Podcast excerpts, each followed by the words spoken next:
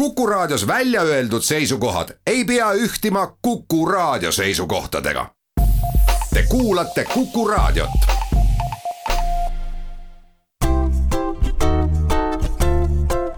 patsiendiminutid, Patsiendiminutid toob teieni Eesti Patsientide Liit tere, hea Kuku kuulaja!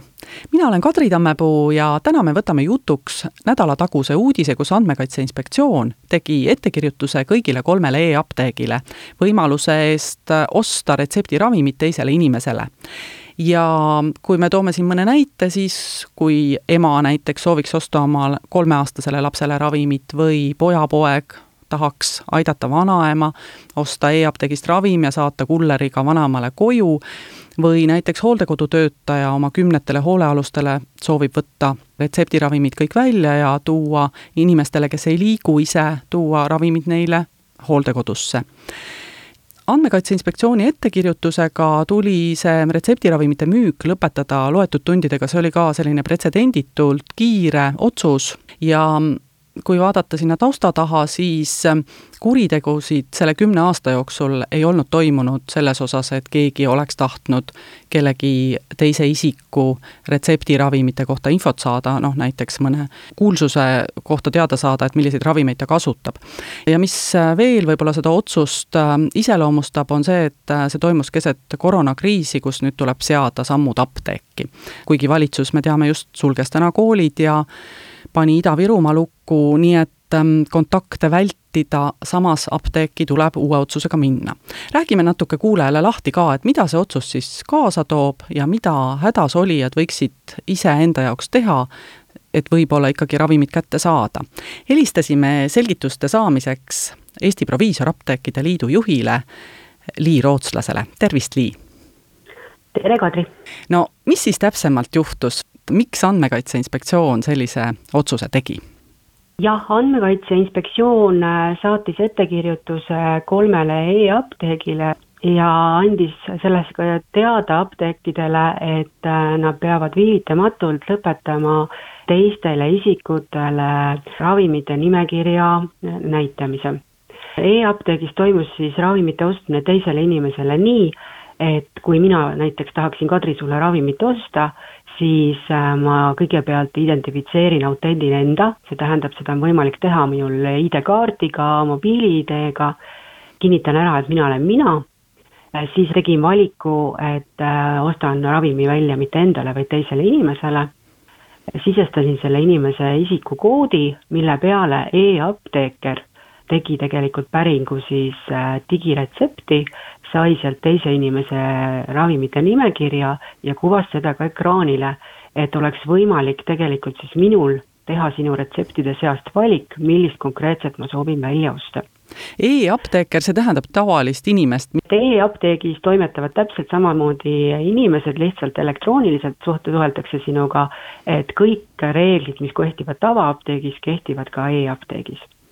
ja, ja kui ma selle valiku siis ära tegin, selle konkreetse retsepti koos apteekri nõustamisega üles leidsin, et näiteks kui sul on vaja peavalurohtu, siis ma alati ei ole ju kindel, kas sa kas sul on migreenihoog või sul on mingi muu oli või valuvaigisti selle jaoks vajalik, siis ma sain sooritada ostu ja, ja saata selle ravimi näiteks ka sulle otse koju kulleriga või siis postikontorisse, kus sa saad sellele järgi minna. Ja andmekaitse siis vaidlustas just selle osa, et retseptikeskusest päriti seda ravimite retseptide nimekirja ja seda teisele inimesele kuvati. ehk et justkui retsepti omanik ei oleks justkui selleks nõusolekut andnud, seda pani siis AKI süüks? jah, et äh, AKI ütles, et tegelikult võiks siis sellisel moodil kalastada inimese retsepti andmeid kes iganes ja sellega on rikutud äh, andmekaitsereegleid AKI on siis meil Andmekaitse Inspektsioon, et ja Andmekaitse Inspektsioon esitas ettekirjutuse siis sellise nõudega, et kohe tuleb reageerida ja lõpetada selline tegevus ja andis selleks aega kakskümmend neli tundi. Ja kui seda ei oleks siis täidetud, seda nõuet, siis oleks ka rakendatud e-apteekide vastu sunniraha sada tuhat eurot. Ja seda oleks võinud teha siis iga päeva eest mis seda ettekirjutust ei olnud täidetud. ehk siis te, tegelikult oli selge, et äh, apteekrid panevad kohe tegemisse selle otsuse, et äh, retseptiravimite müük teisele inimesele lõpetada? jah, minu teada on, kuna EPALisse, siis Eesti Proviisorapteekide Liidu liikmed on ka e-apteekide omanikud, siis minu teada liikmed tegelikult võtsid veel ka Andmekaitse Inspektsiooniga ühendust, et äkki oleks võimalik selgitada või leida üheskoos lahendusi aga paraku sealt äh, koostööpakkumist vastu ei võetud ja tänu sellele siis kõik e-apteegid ka kahekümne nelja tunni jooksul sulgesid võimaluse teisele inimesele ravimeid äh, osta. No kuidas nii on, et apteegid on ju alati punktuaalsed, kuidas nad järsku kõik hakkasid kollektiivselt seadust rikkuma? no tegelikult siin nagu see teema ongi, et siin e-apteegid ja tavaapteegid toimetavad täpselt samamoodi esimene e-apteek Eestis avati seitse aastat tagasi ja täpselt sellisel viisil on äh, kogu see aeg toimetatud. ja tavaapteekides siis alates kahe tuhande kümnendast aastast, kui digiretsept loodi. retseptil äh, väljakirjutamisel on võimalik patsiendil öelda, et kas see retsept on väljaostmiseks ainult temale endale, nii-öelda privaatne, keegi teine tema retsepti ei näe, teise valikuna on võimalik öelda, et see retsept on volitatud isik on määranud inimesed, kes tema retsepti andmeid näevad ja kolmanda valikuna on võimalik öelda, et see retsept on avatud, see tähendab, selle retsepti võib apteegis välja osta teine isik, juhul kui apteek on teinud selle te isiku siis kindlaks. alati on kõigepealt esimese peale tuvastatakse inimene. enamus Eestis kasutusel olevaid retsepte on nii-öelda need avatud retseptid. miks nii? sellepärast, et probleeme ilmselt ei ole selliste retseptidega olnud, inimesed ei olegi kahtlustanud, et keegi läheks kalastama niimoodi nende andmeid ja selles mõttes on see valikud nii tehtud. juba siis päris, ma arvan, seal digiretsepti alguse ajal ja enamusest tarkvaradest, mida perearstid ja teised arstid kasutavad, on äh, meie teada mm, esimese valikuna retsept avatud ehk et äh, see oli tehtud äh, lihtsalt mugavuse ja aja kokkuhoiu huvides omal ajal, et juhul, kui inimene tõepoolest ei taha, et tema retsepti keegi teine näeks või tema ravimeid välja ostaks, siis ta annab sellest teada, aga enamik Eesti inimesi neil ei ole sellega probleeme, sest nad usaldavad apteekrit, et päris igaühele lihtsalt nii, et lähen nagu apteeki ja küsin, et vot soovin nagu selle inimese kohta andmeid teada ja siis soovin järgmise ja veel järgmise kohta, et et see ei lähe lihtsalt läbi, ka mitte e-apteegis eh, jah, ja seda enam, et äh, alati jääb sellest jälg maha, mitte ainult see, kui sa oled ravimi ostnud, vaid kui ka seda ravimite andmeid on päritud. sest nagu ma juba ütlesin, eks ole, et inimene ei lähe ise, ei pääse ligi digiretsepti äh, infosüsteemile, vaid alati on seal vahepeal apteeker, kes teeb päringu ja iga päringu juurde jääb siis selle isiku isikukood, kes on siis autenditud, kes seda päringut teeb ja jääb ka selle inimese info, kellele see ravim siis välja osteti või kelle nimel päringut tehti. aga kindlasti jääb jälg maha ja tegemist antud juhul on siis ikkagi nii-öelda kuritööga, mida inimene pahatahtlikult teeb. no see on umbes seesama, et kui näiteks arst haiglas või keegi teine vaatab äh, isikuandmeid või, või patsiendi haiguslugu, siis samamoodi jääb märk maha ja tegu on kuriteoga, et toome teise näite, et kui inimene ületab kiirust, siis äh, saab ka ju päris kindlasti teada, milline auto seda tegi, et aga sellepärast ei võeta ju inimestelt autosid käest ära eh, jah, täpselt nii ja, ja lisaks, eks ole, ka eesti.ee-s on igal inimesel võimalik ka näha, kes on tema retsepte vaadanud. Läheme siit nüüd pausile. patsiendiminutid patsiendiminutid toob teieni Eesti Patsientide Liit mikrofonide taga on Lii Rootslane ja Kadri Tammepuu. me räägime probleemist, miks ei saa enam e-apteegist emale või lapsele retseptiravimeid osta. kui nüüd mõelda, siis ähm, need load, ähm, kuidas apteegid tegutseda tohivad, need antakse välja ju Ravimiameti poolt, et kas äh, Ravimiamet ei arvanud, et äh, tema on kuidagi andnud neid lubasid kergekäeliselt välja või, või mida tema apteekidele ütles? No selles mõttes, et kõik apteekide protsessid nii tavaapteegis kui e-apteegis äh, loomulikult on kooskõlas ravimitealaste määrustega ja, ja seadustega ja Ravimiamet on iga kord tegevusluba e-apteegile väljastades väga täpselt vaadanud läbi ka kõik need protsessid, kuidas tegelikult ravimeid väljastatakse. aga kuna ma praegu, no ma rõhutan, et e-apteegi ja tavaapteegi protsessid on sarnased, mitte sarnased, vaid täpselt samad, et sellisel juhul ei ole ka etteheiteid e-apteekidele varem tehtud et Andmekaitse Inspektsioon äh, viitab praegu siis uuele andmekaitsemäärusele, mis hakkas kehtima siin kolm aastat tagasi, millega siis äh, vastuolu tekkis, see ei ole tekkinud täna ega eile, vaid tegemist on protsessiga, mis on pikka aega muutumatult juba toiminud ja probleeme sellega varem ei ole olnud. ehk et äh, nagu nad ise ka ütlesid, et keegi ei kaevanud, kellegi andmeid ei kuritarvitatud, nemad lihtsalt kogemata ise märkasid ja ja tegid rauh selle otsuse ära, samas e, inimese jaoks pole ju vahet, kas tegu on Andmekaitse Inspektsiooniga või Ravimiametiga, üks riik kõik, aga lihtsalt äh, üks riigi käsi ei tea, mida teine teeb räägime natukene veel siis nendest lahendusvõimalustest, et mida võiks siis ette võtta, sellepärast et tõepoolest, nagu sa ütlesid, protsess algab retsepti väljakirjutamisega. kas inimene võiks midagi teisiti teha? jaa, e, inimene saaks paluda, et äh, arst kirjutaks talle siis välja kas siis äh, privaatse või volitustega retsepti, juhul kui ta on veendunud, et, äh, et avalikult tema retsepti andmeid äh, teised inimesed ei võiks näha. see sõna avalik on selles mõttes natuke eksitav, et tegelikult ei ole need andmed kuskil avalikult saadavad, nagu ma ütlesin, alati peab identifitseerima ennast see inimene, kes pärib ja, ja kõik see toimub läbi apteekri ja, ja apteeker ikkagi alati ju ka hindab, kellele ta neid andmeid välja annab, aga lihtsalt see sõna, sõna on kasutusel avalikuna aga juhul, kui nüüd inimene tahaks teha siis seda privaatset või volitustega retsepti, siis ta peaks arstilt seda paluma. Ja sellisel juhul, kui äh, inimene soovib privaatset retsepti, siis tõesti, kui keegi teine läheb apteeki, äh, tuvastab ennast ja palub nüüd näiteks minu isikukoodiga retsepte näha, siis selle privaatse retsepti puhul selle apteegile lihtsalt seda retsepti ei näidata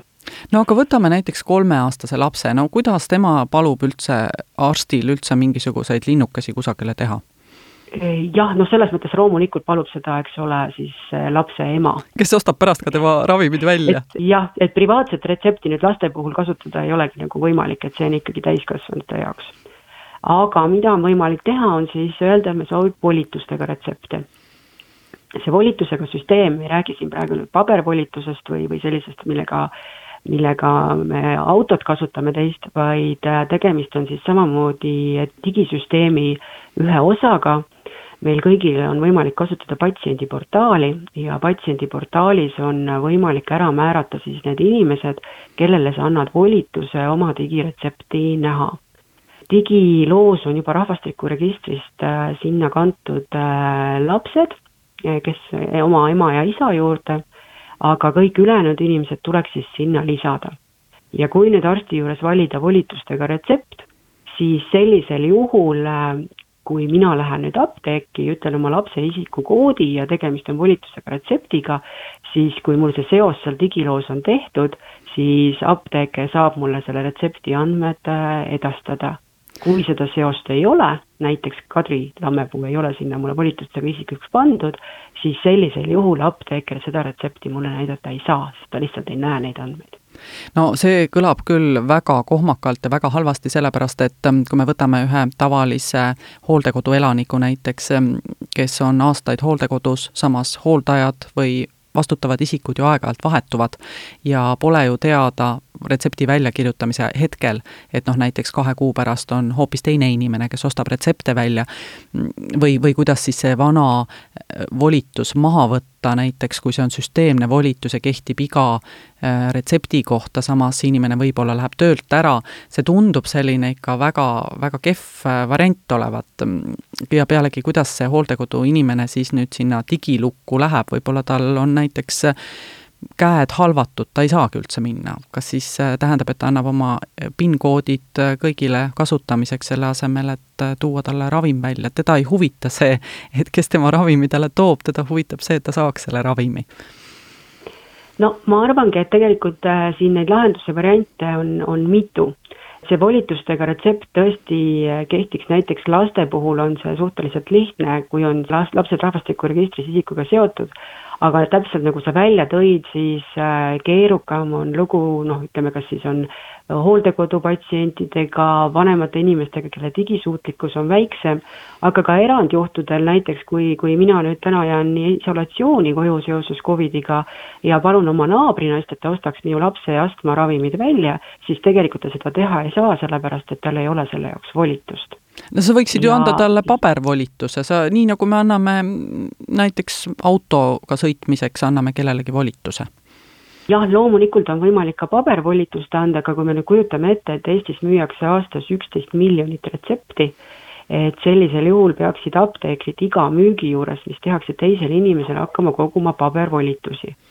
et kogu mõte tegelikult ju digiretsepti süsteemil oli, oli selles, et me saame asjad tehtud elektrooniliselt, meil ei ole enam paberretsepti kui me hakkame nüüd digiretsepti juurde nõudma pabervolitust, siis, siis mulle tundub küll, et see on väga kehva lahendus Eesti-sugusele digiriigile. no ma olen nõus, aga samas ega see teine lahendus, kus inimesed peaksid justkui ette teadma, kes tulevikus nende retsepte hakkavad välja ostma, juhul kui tõepoolest tekib mingi tervisehäire, no näiteks ma käin hambaarsti juures ja on nii paha olla, mul ikka abikaasa käib ja ostab minu antibiootikumid või valuvaigistid välja, et seega on ka umbes sarnane asi nagu ka kaamel poeks läbi nõelasilma, et milline võiks olla see niisugune ideaalne lahendus? kuna me räägime inimese terviseandmetest, siis, siis loomulikult tegelikult inimene ise saabki otsustada, kes nendele andmetele ligi pääseb või mitte. olles kunagi ka seotud digiretsepti loomisega, siis tegelikult needsamad teemad olid kõik laual ja loomulikult inimese andmed peavad olema kaitstud, ta peab teadma, kes ja kuidas tema andmeid kasutab aga nagu ma ütlesin, praegu enamus retseptidest on tegelikult avatud ja ma arvan, et selline süsteem kindlasti peaks ka alles jääma, et juhul, kui äh, see mm, inimene on öelnud ise,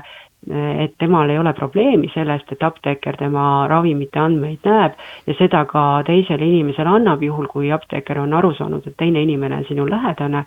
siis sellisel juhul võiks need avatud retseptid täiesti alles jääda. sest tegelikult probleem praegu andmekaitse seisukohast on ikkagi ju pigem selles, et inimesed ei ole teadvustanud endale, et nende ravimite andmed on avatult apteekrile teisele isikule näha tänase seisuga on Haigekassa öelnud, et sellel aastal on volitustega retsepte Eestis välja kirjutatud kakssada neliteist ja äh, privaatseid retsepte üle kahe tuhande, nii et tegelikult osad inimesed, kes leiavad, et nende andmed on olulised neile ja nad tahavad neid kaitsta, siis see võimalus on olemas aga seda süsteemi tuleks teadvustada patsientidele oluliselt rohkem, et millised on võimalused, aga millised on ka riskid.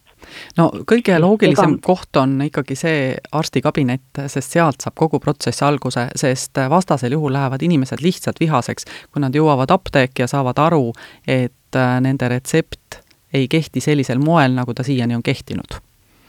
jaa, kindlasti selles mõttes selliseid otsuseid ei saa teha päevapealt, et eh, ühe lahendusena oleks meil võimalik ka öelda, et kõik, kõik retseptid nüüd homsest alates on volitusega, mis tähendab seda, et tegelikult sisuliselt teisele inimesele ravimeid välja osta oleks äärmiselt keerukas.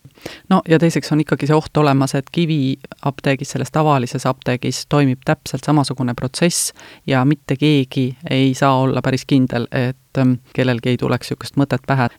praegu on seis lahtine ja kutsume kellegi hiljem saatesse, kui midagi selgub. olgu nii suur aitäh, Lii, täna tulemast ja täname ka kõiki kuulajaid. stuudios oli Apteekide Erialaliidu juht Lii Rootslane ja saatejuht Kadri Tammepuu. Kuulmiseni taas nädala pärast ja seniks olgem terved. patsiendiminutid. patsiendiminutid toob teieni Eesti Patsientide Liit